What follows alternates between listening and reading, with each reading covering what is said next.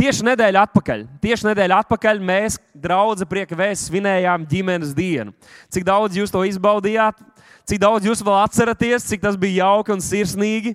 Vienam otru vairāk iepazīt, svinēt to, ka mums ir fiziska ģimene, kurā Dievs, Dievs mums ir dāvājis, bet arī garīgā paplašinātā ģimene. Es ļoti, ļoti to izbaudīju. Otrā daļa bija fantastiska, ģimeniska un brīnišķīga. Un jūs jau zinat, vismaz vairums Latvijas iedzīvotāji to zina, ka pēc tam drusciņi vēlāk, pēc mūsu ģimenes dienas, Dievs visai mūsu tautai, kā saka, dāvāja, vai vismaz mēs saņēmām tādu iepriecinājumu, ka mūsu Latvijas hokeja izlase ieguva vēsturisku uzvaru pasaules čempionātā. Pirmo reizi, trešā vieta, vai kādi jūs priecājāties par to? Skatos, ka kādi, kas pat slavēšanā nevarēja pakustēties un plaudēt, tagad spēja to izdarīt un prieks par to. Potenciāls ir. Papaks kādu savu blakus sēdošo pasakā, potenciāls ir. Potenciāls ir. Un tas tiešām ir vēsturisks notikums. Nevelti mūsu valdības, nu, valsts vīri un valsts sievas steidzamā kārtā sapulcējās, lai piešķirtu mūsu tautai vienu brīvdienu jā, lai mēs varētu no sirds atpūsties un nosvinēt, jo mēs visi bijām smagi strādājuši. Un varbūt arī jūs redzējāt kādas intervijas, kur eh, kāda no faniem tur tālumā vai tepat Latvijā, kas tika intervēta uz ielām, teica, mēs uzvarējām. Mēs uzvarējām. Ziniet, kādreiz ir tā, ka tad, kad tās komandas zaudē, viņi zaudēja, vai ne? Bet, kad viņi uzvar, tad mēs uzvarējām. Un es ceru, ka arī tu tā jūties. Es patiesībā vēl aizvien gaidu savu medaļu, jo es arī jūtos, ka es uzvarēju, bet man vēl nav atsūtīta manējā medaļa.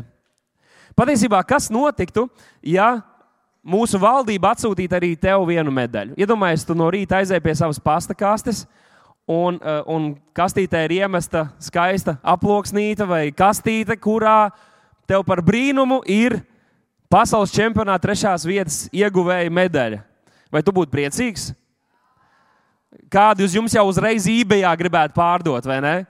Jo tas ir karstais, karstais, karstā lieta, ja tagad ir īpaši liela vērtība.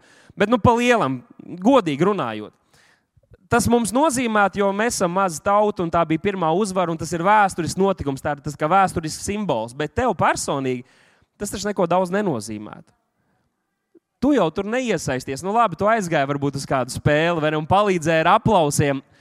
Bet jūs noteikti man piekritīsiet, ka kaut ko citu tā medaļa nozīmē tiem, kas tur burtiski bija iesaistīti un cīnījās par šīm medaļām. Cīnījās par katrā šajā spēlē, lai neielaistu vārdus, lai izcīnītu vārdus. Un, ja tev vienkārši kāds atsūtītu to, vai tu pat varētu nopirkt vēl skaistāku, vēl lielāku medaļu nekā viņiem ir, tai nebūtu liela svara. Nu, es jums gribu parādīt šādu te mazu medaļu. Uh, arī bronza. Uh, un šī ir mana personīgā. Man patiesībā ir vairākas tādas. Es ar viņu gluži nestaigāju apkārt, jo nav jau gluži nekas tik liels, ar ko lepoties. Uh, bet, ja man tiktu iedota mūsu valstsvienības uh, medaļa, ko viņi izcīnīja pasaules čempionātā, un es varētu to salīdzināt ar šo, tad šī man personīgi būtu nozīmīgāka. Ziniet, kāpēc? Tāpēc, ka medaļa jau ir tikai tāds kā simbols vai apstiprinājums, apbalvojums tam, ko, tam darbam, ko tu esi ieguldījis, tam raksturam, ko tu esi parādījis, tām cīņām, tām uzvarām, kuras tu esi izcīnījis. Es domāju, ka sportistu mērķis jau nav tā medaļa pati par sevi, jo, ja tu to neizcīni, tad tai nav vērtības. Bet šī, šī un šāda veida medaļas apbalvojumi, balvas, ko mēs saņemam, kad mēs esam pielikušies, kad esam parādījuši neatlaidību, kad esam cīnījušies, kad esam stiprinājuši savu raksturu, tad, lai gan daudziem cilvēkiem tā var neko daudz nenozīmēt, tev tā kaut ko nozīmē. Un, protams, Latvijas mūsu Uh, izlase, izcīnīja šo skaisto uzvaru. Tur es iedomājos par divām dažādiem tādiem aspektiem, mūsu dzīves aspektiem. Jo no vienas puses, tiešām viņi uzvarēja, un tas nozīmē, ka mēs uzvarējām, jo mēs taču dzīvojam Latvijā. Un tas ir līdzīgi kā Kristus uzvar. Kristus izcīnīja šo uzvaru, un mēs tur īstenībā neiesaistījāmies, neko gluži nevarējām palīdzēt un nespējam pat palīdzēt. Viņš mums dāvā šo glābšanu, mūžīgo dzīvību, un mēs svinam, un mums pieder uzvara tam dēļ, ka viņš ir uzvarējis un mēs esam iekļauti viņa uzvarā.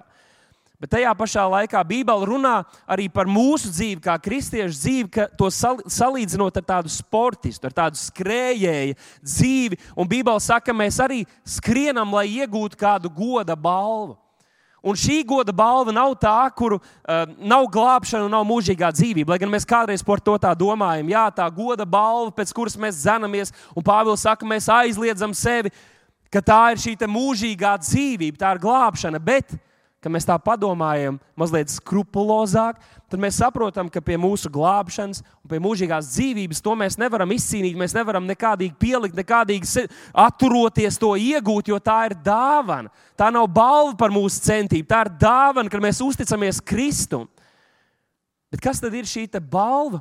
Pēc kuras mēs skrienam, kas ir šī goda balva, pēc kuras mēs dzenamies, kam dēļ mēs esam gatavi aizliegt sevi un skrietēt pakaļ. Es ticu, ka tas ir šis te, nu, apbalvojums, kuru mēs saņemam par to, kad mēs dzenamies pēc Dieva aicinājuma Kristo Jēzu. Kas ir attiecības ar Dievu, bet kas ir arī paklausīt Viņam. Būt šie uzticamie kalpi un kalponis, ka Dievs var teikt, hei, dari to, un mēs darām to, dari to, un mēs darām to. Tā ir tā sacensība, kurā mēs piedalāmies. Vai mēs būsim uzticami Dieva vārdam, vai mēs dzirdēsim un turēsim Dieva vārdu Un šī ir tā balva, kuru mēs gribam izcīnīt. Jo mūžīgā dzīvība un glābšana tā ir dāvana, ko Dievs mums dod. Bet šī balva un apbalvojums ir tas, par kuru ir vērts cīnīties. Un Jēzus vairākās vietās teica, ka tas ir tā vērts. Tas, no kā mēs pat atteiksimies šeit virs zemes, mēs to iegūsim vairāk kārtīgi tajā dienā, kad mēs satiksim viņu. Bet Bībele mums māca, lai mēs mācāmies. Jūs noteikti esat to ievērojuši. Piemēram, vecajā darbā Salamana pamācībās šis vīrs mācīja saviem bērniem, un tāpat arī mums, kas esam lasījuši, viņš mācīja, lai mēs mācāmies no skudrām. Viņš, viņš burtiski teica, jūs sliņķi, izejiet ārā, paskatieties savā tuvajā kokā, kur tur skudras kāpelē augšā un taisa savu pūzni. Ejiet un vērojiet, un pētiet, kas tur notiek, ko viņas dara, kā viņas strādā, un tad atdariniet viņas. Neesiet sliņķi, bet esiet čakli, darbojieties ar to, ko Dievs jums ir devis. Tātad vecajā darbā mēs redzam, ka ne tikai mēs varam lasīt Bībeli, bet mācīties arī no kādām dabas lietām, ko Dievs ir izveidojis, kas notiek mums apkārt. Mums vajadzētu mācīties no tā. Un arī jaunajā darbā ir līdzīgs piemērs, kur Jēzus teica saviem mācekļiem, lai mēs mācāmies no puķiem laukā. Viņš teica, mācieties no puķiem laukā. Ne viņas strādā, ne viņas satraucās, ne viņas tur briesmīgi par kaut ko rūpējās. Bet debesu Tēvs par viņām gādā, un viņas ietērp tik skaistās drānās, kādās pat tas pats gudrais un bagātais Salamans nespēja ietērpties. Jēzus runāja ar saviem mācekļiem, viņš teica, nezūdieties, ko jūs vilksiet, ko jūs ģērbsiet, jo par to visu pagāni rūpējas. Bet debes Tēvs zina, ka jums to vajag. Viņš gādā par jums, un tad viņš teica, bet dzenieties pa priekšu pēc Dieva valstības un viņa taisnības. Un tātad, ja vecajā derībā Dievs mūs aicina mācīties no skudrām, Un jaunajā derībā pats Kungs Jēzus Kristus mūs aicina mācīties no puķēm. Tad šodien es ticu, ka nebūs nekāda problēma, bet varbūt kādiem reliģiskiem cilvēkiem tas mazliet būs par piedauzību. Kad es aicināšu mūsu, un es ticu, ka tas ir svētais gars, kurš vada mūsu draugus par to domāt, mācīties no mūsu Latvijas izlases.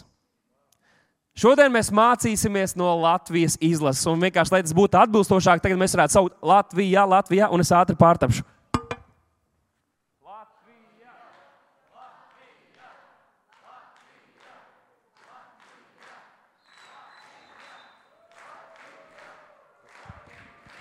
Latvijā. Latvijā. Redziet, redziet, redziet.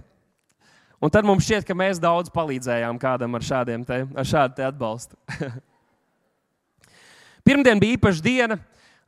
Mūsu valsts vienība atgriezās atpakaļ šeit Latvijā un pie brīvības pieminiekļa tūkstošiem cilvēku no mūsu tautas sapulcējās, lai viņu svinētu, lai priecātos par to, cik daudz jūs tur bijāt. Es redzēju, sociālajos tīklos vairāk no jums atzīmējāties. Nekautrējieties, viss ir kārtībā, droši paceliet rokas. Un viņi tur bija, un tad es redzēju tādu video, kur uh, viss tas milzīgais pūlis, pieņem, ka tur bija vairāk kā 10, 000, 20 tūkstoši cilvēku, 50 tūkstoši, 30 tūkstoši. Ok, te ir statistika arī uz vietas. 30 tūkstoši cilvēku. Uh, viņi visi kopīgi arī dziedāja mūsu valsts himnu. Un tā himna, jūs jau zināt, ir ne, kā lūkšana. Dievs svētī Latviju, mūsu dārgo tēvī. Svētī jau to. Un no vienas puses, kā, man tas priecē, man priecēja redzēt, ka ir tik daudz cilvēku sapulcējušies, kad uh, visi ir priecīgi, pacelāti, laimīgi, jo mūsēji uzvarēja, mēs uzvaram, viss ir mainījies. bet, nu, tas sagādāja daudz prieka, bet tad, skatoties īpaši šo video par to lūkšanu, man pilnīgi sirds ņaudzās. Un es nezinu, kā, kā jūs par to jūtaties, jutāties. Bet redzot tik daudz mūsu tautiešus, un, protams, arī tur bija kristieši to starpā, kas lūdz vai dzied šo dziesmu, dzied šo lūgšanu, lūdz Dievu, kuru viņi nepazīst, lūdz Dievu, kuru viņi noraida. Lūdz Dievu, kurš ir parādījis viņiem žēlastību, parādījis mīlestību vislielākajā veidā, kā vien kāds kādam var parādīt mīlestību. Un viņi to noraida un dzied šo dziesmu. Un kāds varbūt domā, wow, debesis tagad gavilē mūsu hokeja, hokeja izlases uzvarēja. Reku visa tauta tagad dzied eh, himnu un lūdz Dievu. Bet man liekas, ka Dieva sirds arī ir sažņauts, un mums, mūsu visu sirdīm vajadzētu sažņaukties, kad mēs redzam tik daudz cilvēkus, kas iet pazušanā. Mateja evanģēlijā mēs redzam, ka Jēzus redzēja ļaužu pulku. Mateja 9. nodaļā viņš redzēja ļaužu pulku. Un tad rakstīts, viņam sirds par tiem iežēlojās, jo viņš redzēja, ka tie ir kā atstātas avis, kurām nav gana. Un tad viņš saka saviem mācekļiem, kad viņa sirds ir aizkustināta, kad viņa sirds iežēlojas par šiem līdzcilvēkiem, redzot šo tautu, kur ir pazudusi kā bez gana, bez dieva šajā pasaulē. Tad kāds teikt, nu tad ej un sludini, un Jēzus arī kalpoja un darīja, bet tajā brīdī Jēzus pievērsās saviem mācekļiem. Viņš teica, lūdziet, pļaujas kungu lai viņš izsūta strādniekus, jo pļaujamā ir daudz, bet šo strādnieku nav tik daudz. Un tāpēc šodien, svinot mūsu izlases uzvaru. Es gribētu, lai mēs tiekam iedvesmot, lai mēs mācāmies četrus nozīmīgus faktorus, kas viņiem palīdzēja gūt šo uzvaru. Un arī mums personīgajā dzīvē tas var mums palīdzēt un iedvesmot, bet arī īpaši kā draudzēji tas mums ir ļoti nepieciešams tādā ziņā sekot viņu piemēriem, piemēram, gluži kā skudru piemēram, lai arī mēs varētu turpināt celties un piepildīt savu aicinājumu. Un pirmais, ko es pamanīju, klausoties dažādas intervijas, kur šie hokeisti stāstīja un, un, un tika intervēti, un viņiem uzdeva dažādas vieglas un sarežģītas jautājumus, tad viena no visbiežāk dzirdētajām lietām, ko viņi teica, bija paldies vecākiem.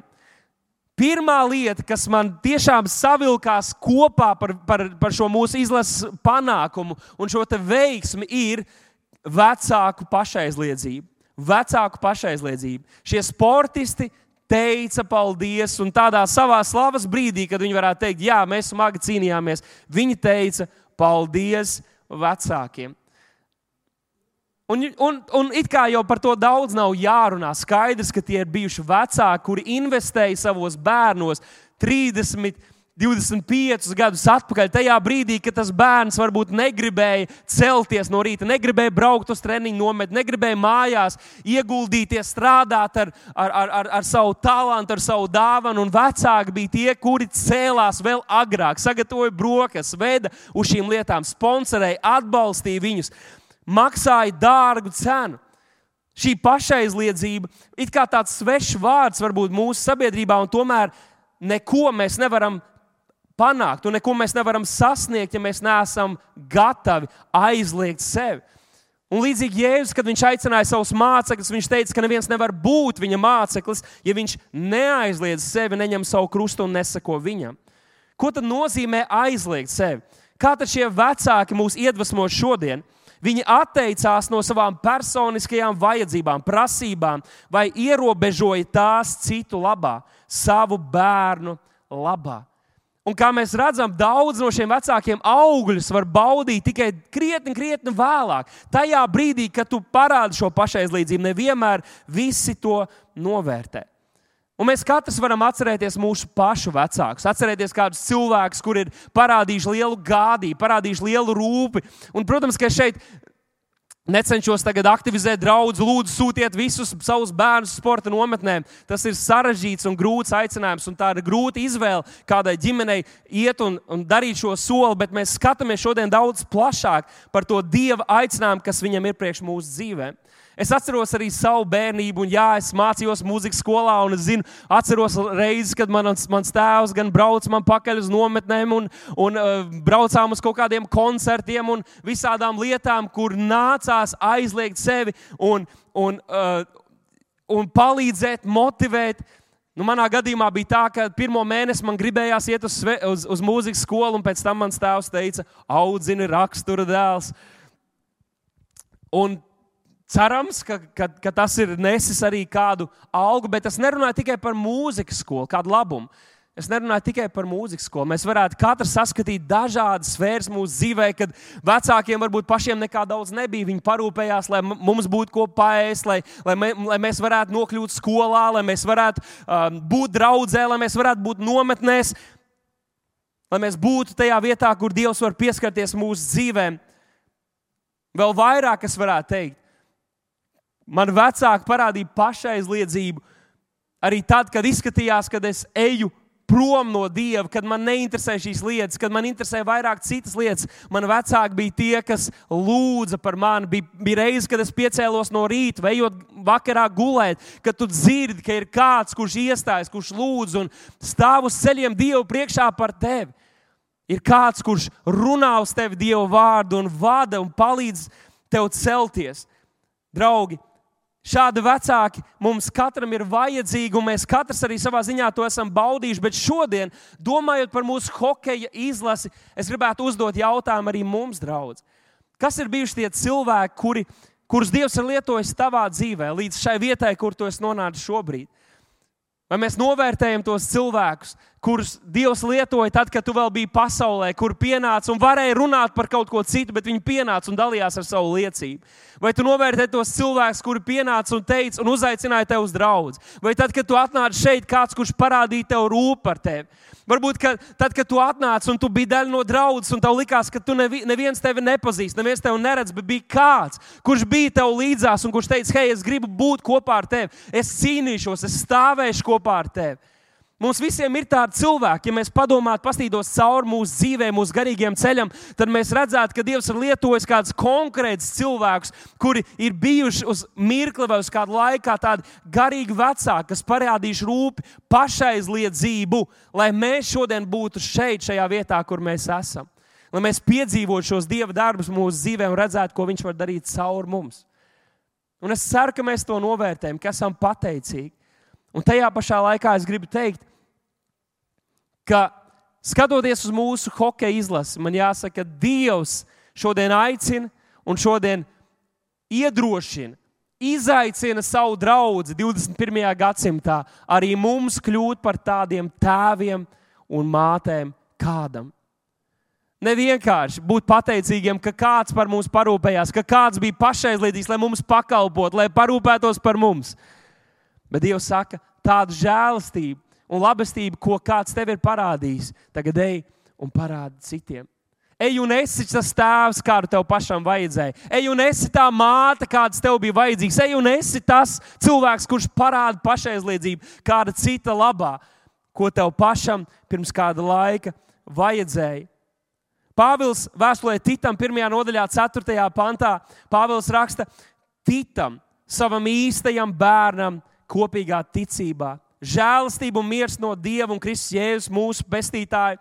Un mēs zinām, ka tic jau nebija fiziski, bioloģiski Pāvila bērns, bet Pāvils bija paņēmis rūpi par šo puisi, par šo jauno kalpotāju. Un Pāvils redzēja viņu kā savu dēlu, kā savu bērnu.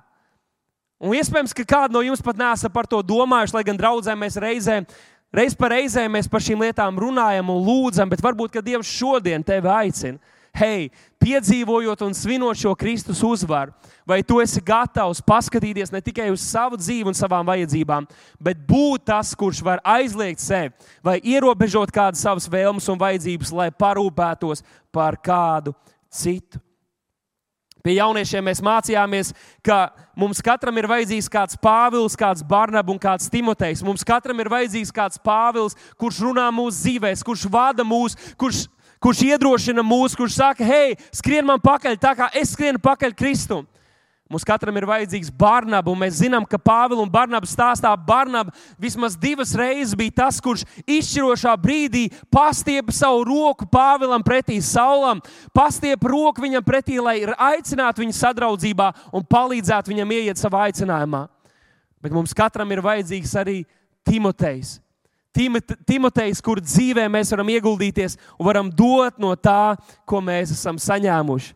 Un varbūt tas ir tavs izaicinājums šodien. Un tātad pirmā lieta, ko mēs varam mācīties no mūsu izlases uzvaras, ir vecāku pašaizliedzība. Vecāku pašaizliedzību, un tā, lai tas iedvesmo arī katru no mums, gan vecākus, gan garīgos vecākus šajā telpā, turpināt to darīt. Jo, ja pat uzreiz mēs neredzam paliekošu augļus, ilgtermiņā augļi būs, un Kristus to ir apsolījis. Otrais, otrais tāds Uh, otrais faktors, kurus gribētu atzīmēt, ir komandas nodošanās. Un šis jau runā par katru no mums. Saka, komandas nodošanās. Mūsu hokeja izlasēji bija sapnis. Viņiem bija kopīgs mērķis, kurš viņuprāt bija iespējams, kuru varēja sasniegt. Viņi noticēja, hei, mēs puiši to varam, mēs to varam izdarīt, mēs varam izcīnīt to. Un tādēļ, ka viņi bija nodevušies šim mērķim, daudz kas viņu dzīvē, viņu kaut kādos uzskatos, viņu sajūtās tika pakārtots tam, lai sasniegtu šo mērķi.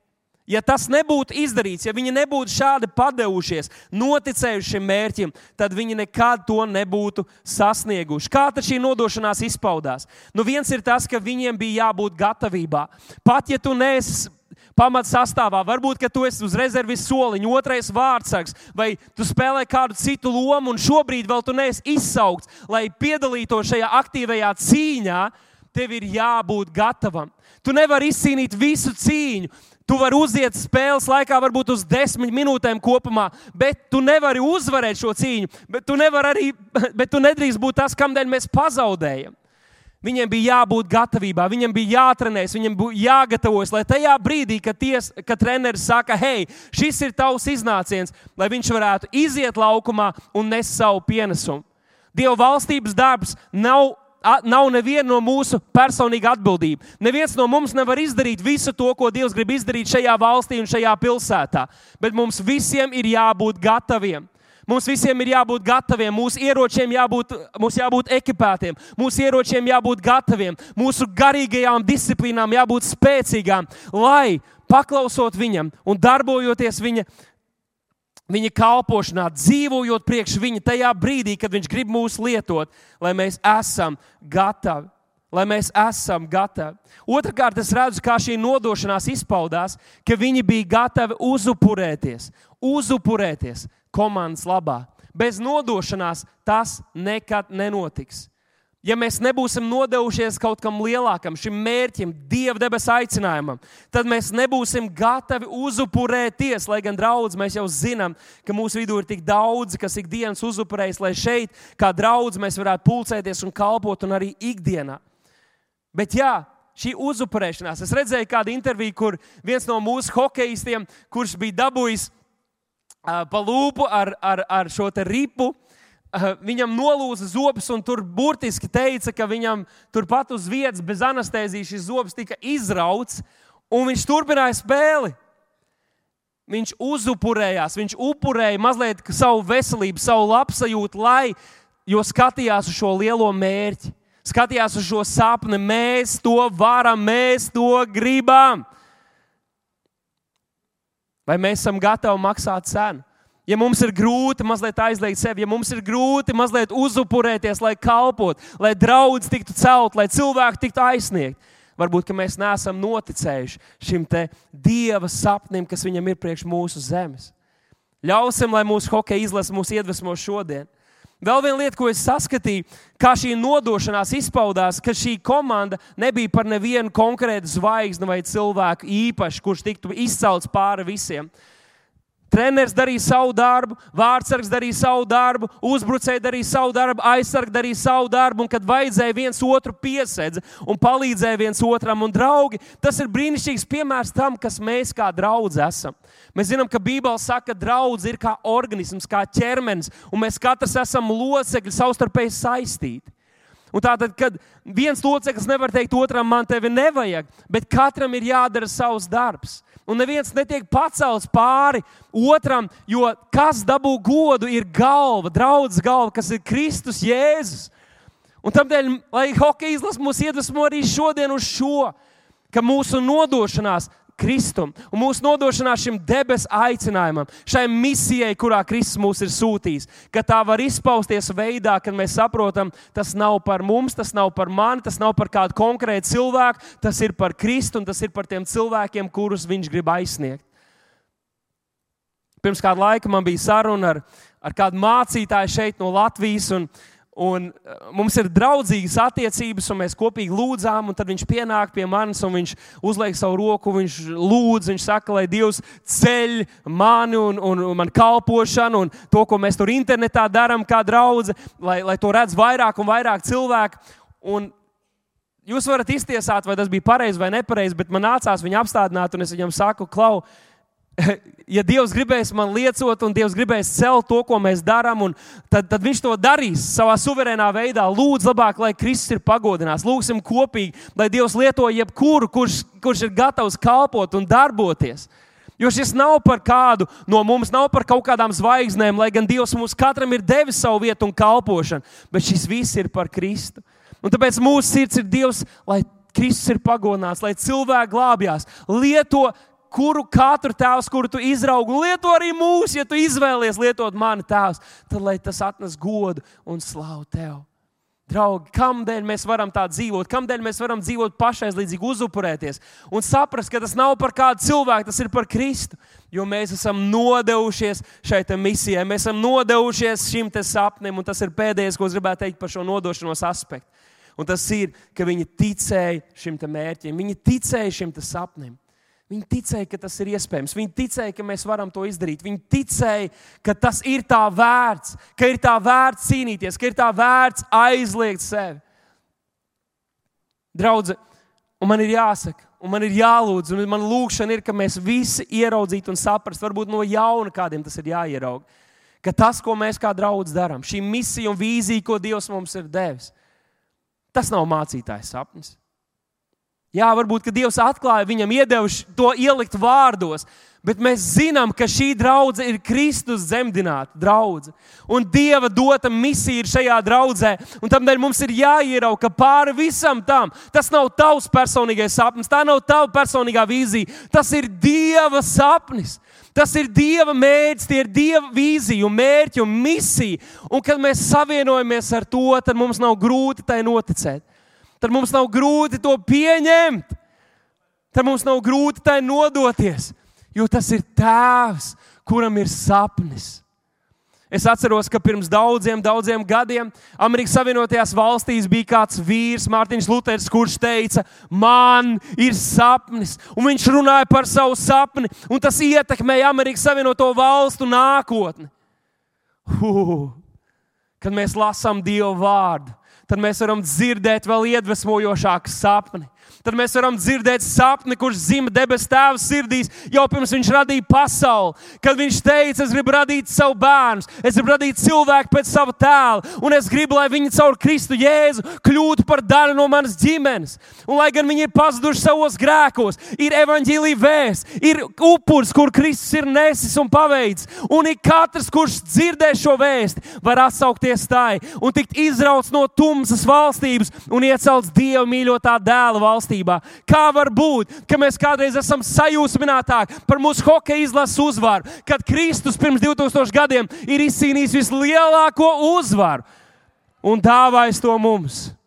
Viņš izcīnīja uzvaru, kad nākamās sacensībām vairs nebija jēgas notikt, jo viņš parādīja, ka pretiniekiem un visiem ienaidniekiem nav nekādu cerību. Viņš ir triumfējis, uzvarējis un atbruņojis mūsu pretiniekus.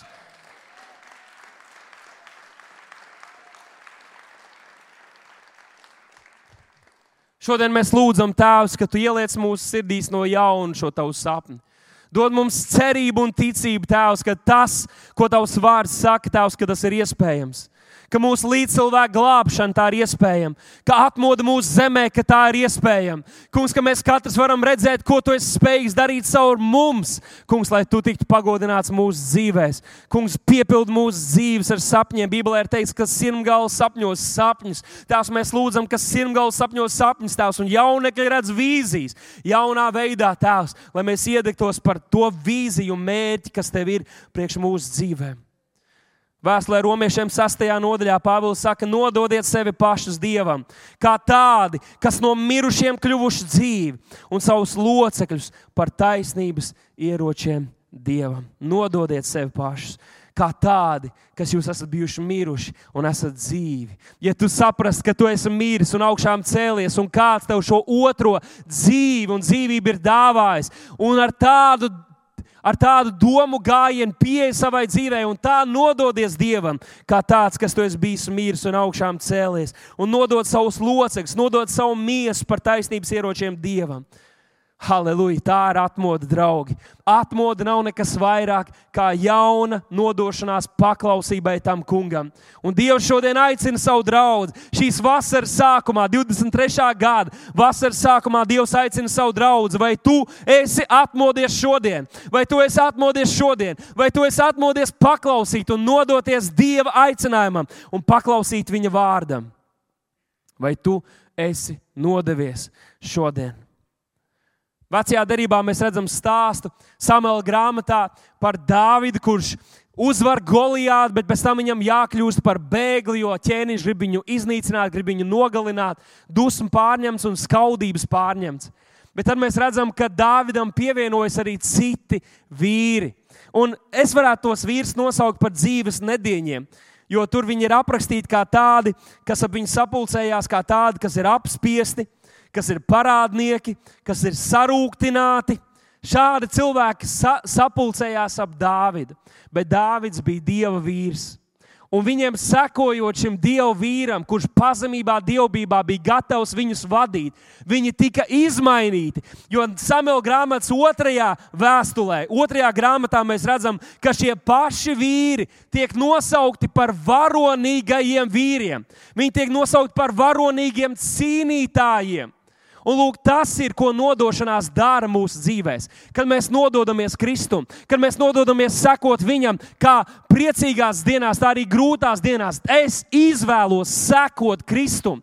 Tad mēs no tādiem, kas esam aizvainoti, kas esam atstāti, kas esam pamesti, kas jūtamies mazvērtīgi un nespējīgi, kļūstam par varonīgiem vīriem un sievām, kurus Dievs var lietot varenā veidā. Kam mēs sekojam un kam mēs esam nodevušies? Mēs sekojam Kristum. Mēs sekojam Kristum, un mēs esam nodevušies viņiem. Līdzīgi arī māc, par mācekļiem teica, tad, kad viņi tur uzstājās un sāka sludināt Dievu vārdu, tad kāda teica, hei, vai tie nav nemācīti ļaudis? Viņi laikam ir bijuši kopā ar to Jēzu, jo viņu dzīves bija mainījušās. Ja tu gribi redzēt varens da Dieva darbu savā dzīvēm, tad nododies sekot Kristum, nododies celt Dieva draugu, nododies iesaistīties tajā darbā, ko Dievs dara. Un tu redzēsi, kā lietas mainīsies. Trešā lieta, par kuras gribēju arī runāt, kuras ievēroja mūsu hokeja izlases centienos, ir šī iekšējā kultūra. Iekšējā kultūra. Vairāki no sportistiem intervijās teica, ka šajā reizē viss kolektīvs, ieskaitot trenerus un visus sportistus un pārējos, ka tur nebija nosodījuma, ka tur nebija kritizēšana, citu pazemošana vai kaut kas tamlīdzīgs. bet ka viņi visi iedrošināja viens otru un cerēja to labāko viens par otru. Tas gluži kā 1. korintiešiem 13 ir aprakstīta mīlestība, kas tic par vislabāko, kas, kas cer par vislabāko citos. Un draugi, tā ir draudzes kultūra. Tā ir Dieva bērnu kultūra, ko ne tikai cilvēcīgi mēs varam darīt, bet Dieva mīlestības piepildīt, mēs varam mīlēt viens otru. Šī ir vieta, kur mēs saņemam iedrošinājumu. Šī ir vieta, kur mēs saņemam pamācību, kur mēs parādām mīlestību viens otram. Ne tikai no platformas, bet savā starpā. Cik daudz jūs esat baudījuši to, cik brīnišķīgi ir arī, ka Dievs lieto mūsu vienu otru. Kad viens otram var pateikt kādu iedrošinājumu un svētības vārdu, būt īstajā brīdī, īstajā laikā blakus, lai stiprinātu. Halleluja! Halleluja! Es līdzās jums parādīšu raksturvietu, kas jūs to iedrošinās. Kolosiešiem 3.16 rakstīts: Kristus vārds, lai bagātīgi mājo jūsos. Pabaks savu blakus sēdošo saka, lai Kristus vārds bagātīgi mājo jūsos. Pamāciet un paskubiniet citu, citu visā gudrībā, ar psalmiem, himnām, garīgām dziesmām, žēlstībā dziedādam savā sirdīs. Halleluja! Bībelē ir teikts, lai Kristus vārdi bagātīgi mājo mūsos, lai tad, kad tu satiec kādu brāli vai māsu, lai tev ir kaut kas, ko dot. Nenāc tukšām rokām! Nenāc tukšām rokām tikai lai saņemtu. Dievs tev dos arī, bet tev ir jābūt kaut kam, ko tu vari dot. Halleluja! Vai tā ir raksturvieta, vai tas ir iedrošinājums, vai tas ir kaut kas, ko Dievs ir darījis tavā dzīvē. Liecība, iedrošinājums. Tev jābūt gatavam dalīties ar to, nodot to tālāk. Kā tad mēs to varam darīt? Pirmajā vēstulē Timotejam Pāvils saka šim kalpotājam: vecāku vīru nerāj, bet pamāci laipni kā tēvu, jaunākos kā brāļus, un vecākās sievas kā mātes, jaunākas kā māsas visā šķīstībā. Bībelē ir atbilde. Tu domā, kā tad mēs varam pamācīt, un vai vispār ir jāmāc, vai vispār ir jāiedrošina vienam otru? Jā, pamāci šādā veidā. Bībele atklāja un paskaidro, kā mums savā starpā ir jāpiedzīvo šis iedrošinājums un veselīgā kultūra. Tā balstās uz mīlestību un pamācību mīlestībā.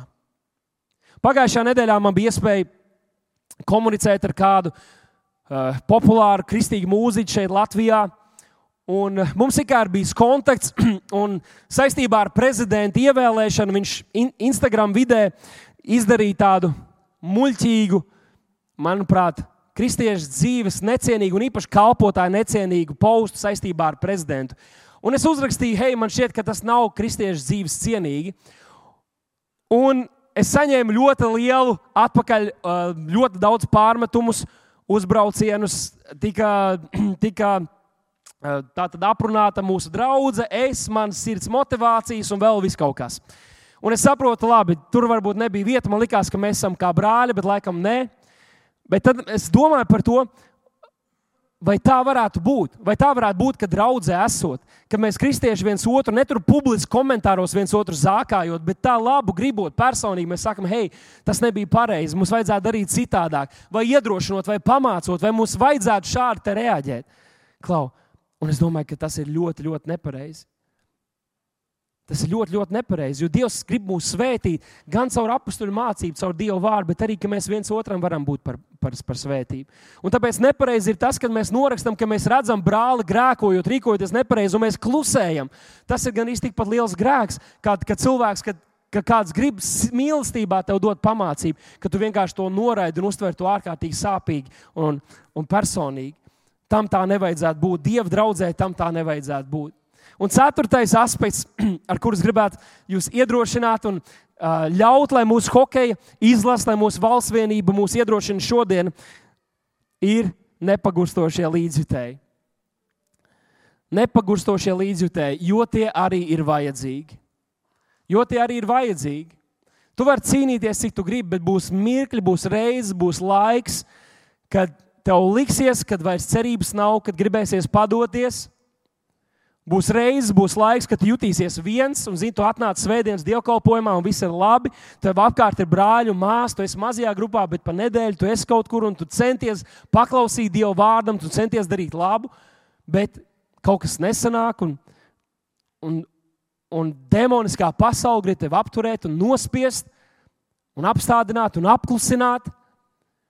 Un mums ir vajadzīgs šis sastais spēlētājs. Jūs droši vien arī dzirdējāt, kur mūsu hokejs dalījās par tām reizēm, dažās spēlēs, kur gribējās jau padoties, bet tad sākās klusas bungas un sākās klusas saucieni, kas kļuva aizvien stiprāki. Latvija, Latvija! Un pēkšņi viņi ieguva spēku un ieguva enerģiju.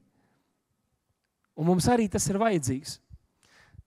Droši vien, ka jūs atceraties sevi bērnībā vai kādu savu dzīves mirkļus, kad jums ir noderējis, ka ir kāds, pat ja viņš nevar gluži tev palīdzēt, ka vienkārši ir kāds, kurš ir līdzās. Es gribētu parādīt divus piemērus, kur divi bērni redzēsim viņu sejās, kā ir, kad tu jūties mazliet satraucies, nospies un kad tu ieraugi, ka ir kāds kaut kur netālu, kurš tur īkšķi par tevi un kurš tic tev. Noskatīsimies!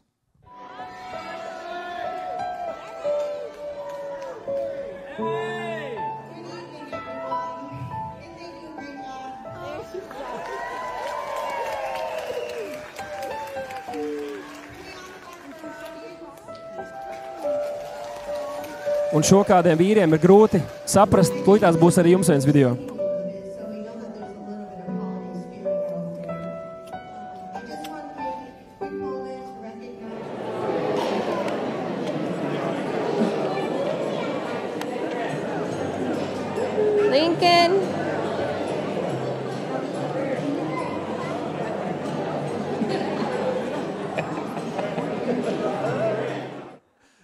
Halleluja! Paldies, Tev, Kungs! Paldies, Tev, Kungs! Ka Tu vienmēr esi ar mums! Ka Tu vienmēr esi ar mums! Iedomājieties, tajā brīdī, kad tu jūties nospiests, kad tu jūties viens un liekas, ka visiem kaut kas labāk tiek un visiem iet labāk un sokas labāk, tu tajā brīdī paskaties uz augšu. Un ko tu redzi? Devis tā saka, turies dēls, turies meita. Un tur būtu nedzird pat, ka viņš skaļi bļaut tavu vārdu, bet tu vienkārši ieraugi viņa acis, tu ieraugi viņa sirdi. Un tajā brīdī saki, yes! Mans tētis ir ar mani. Mans tēvs ir ar mani, un draugs, es zinu, ka Dievs sūta šo vārdu, lai tu zinātu, ka tu neesi viens. Ja tu esi izlēmis sekot Kristum, ja tu esi nodevies šim lielajam aicinājumam, sludināt Dievu vārdu, aizsniegt cilvēks, paklausīt Dievu vārdam, tad tev ir jāzina, ka tu ne brīdi neesi viens, ka tev ir milzīgs fanu pulks, ka tev ir milzīgs atbalstītāju un līdzjutēju pulks, kurš ir ar tevi.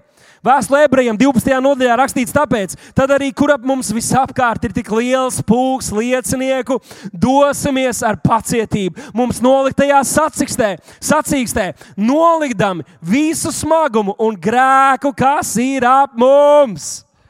Halleluja! Debes Tēvs, visi svētie un eņģeļi skatās un saka, tu to vari. Celies, ja pat tu esi pakritis, ja tu esi atkal atgriezies savos grēkos. Viņi saka, celies, tu to vari Dieva, dieva gara spēkā. Ja tu ej uz savu darba vietu un šajā vasarā tu gribi sludināt Dievu vārdu, ir līdzjutēji pulks, kuri sauc, sārauj, sārauj, Jēzus vārdā, ej un izdari to, ej un nebaidies, ej un tici tikai. Dievs ir ar tevi! Dievs ir ar tevi. Un zini, ko ne tikai garīgajā pasaulē, bet arī šeit, šeit mūsu vidū draudzē, Dievs mums ir devis vienam otram. Kad mēs dzirdam, ka kādi iet cauri kādiem izaicinājumiem, ja tu ej un cīnies, zini, ka ir kādi, kas tajā brīdī lūdz par tevi. Ir cilvēki, kurus Dievs apgrūtina ar lūgšanas gāru, un viņi lūdz par tevi. Mēs atbalstam, priecājamies viens par otru. Klausieties, draugi, tad, kad tu esi noskums, tad, kad tev ir grūti, dzirdi šo skaņu savā sirdī Jo ir, ir atbalstītāji, ir sastais laukuma spēlētājs, kurš padara šo cīņu negodīgu, jo mūsu pusē ir vairāk to nekā to, kas ir pret mums. Halleluja! Halleluja!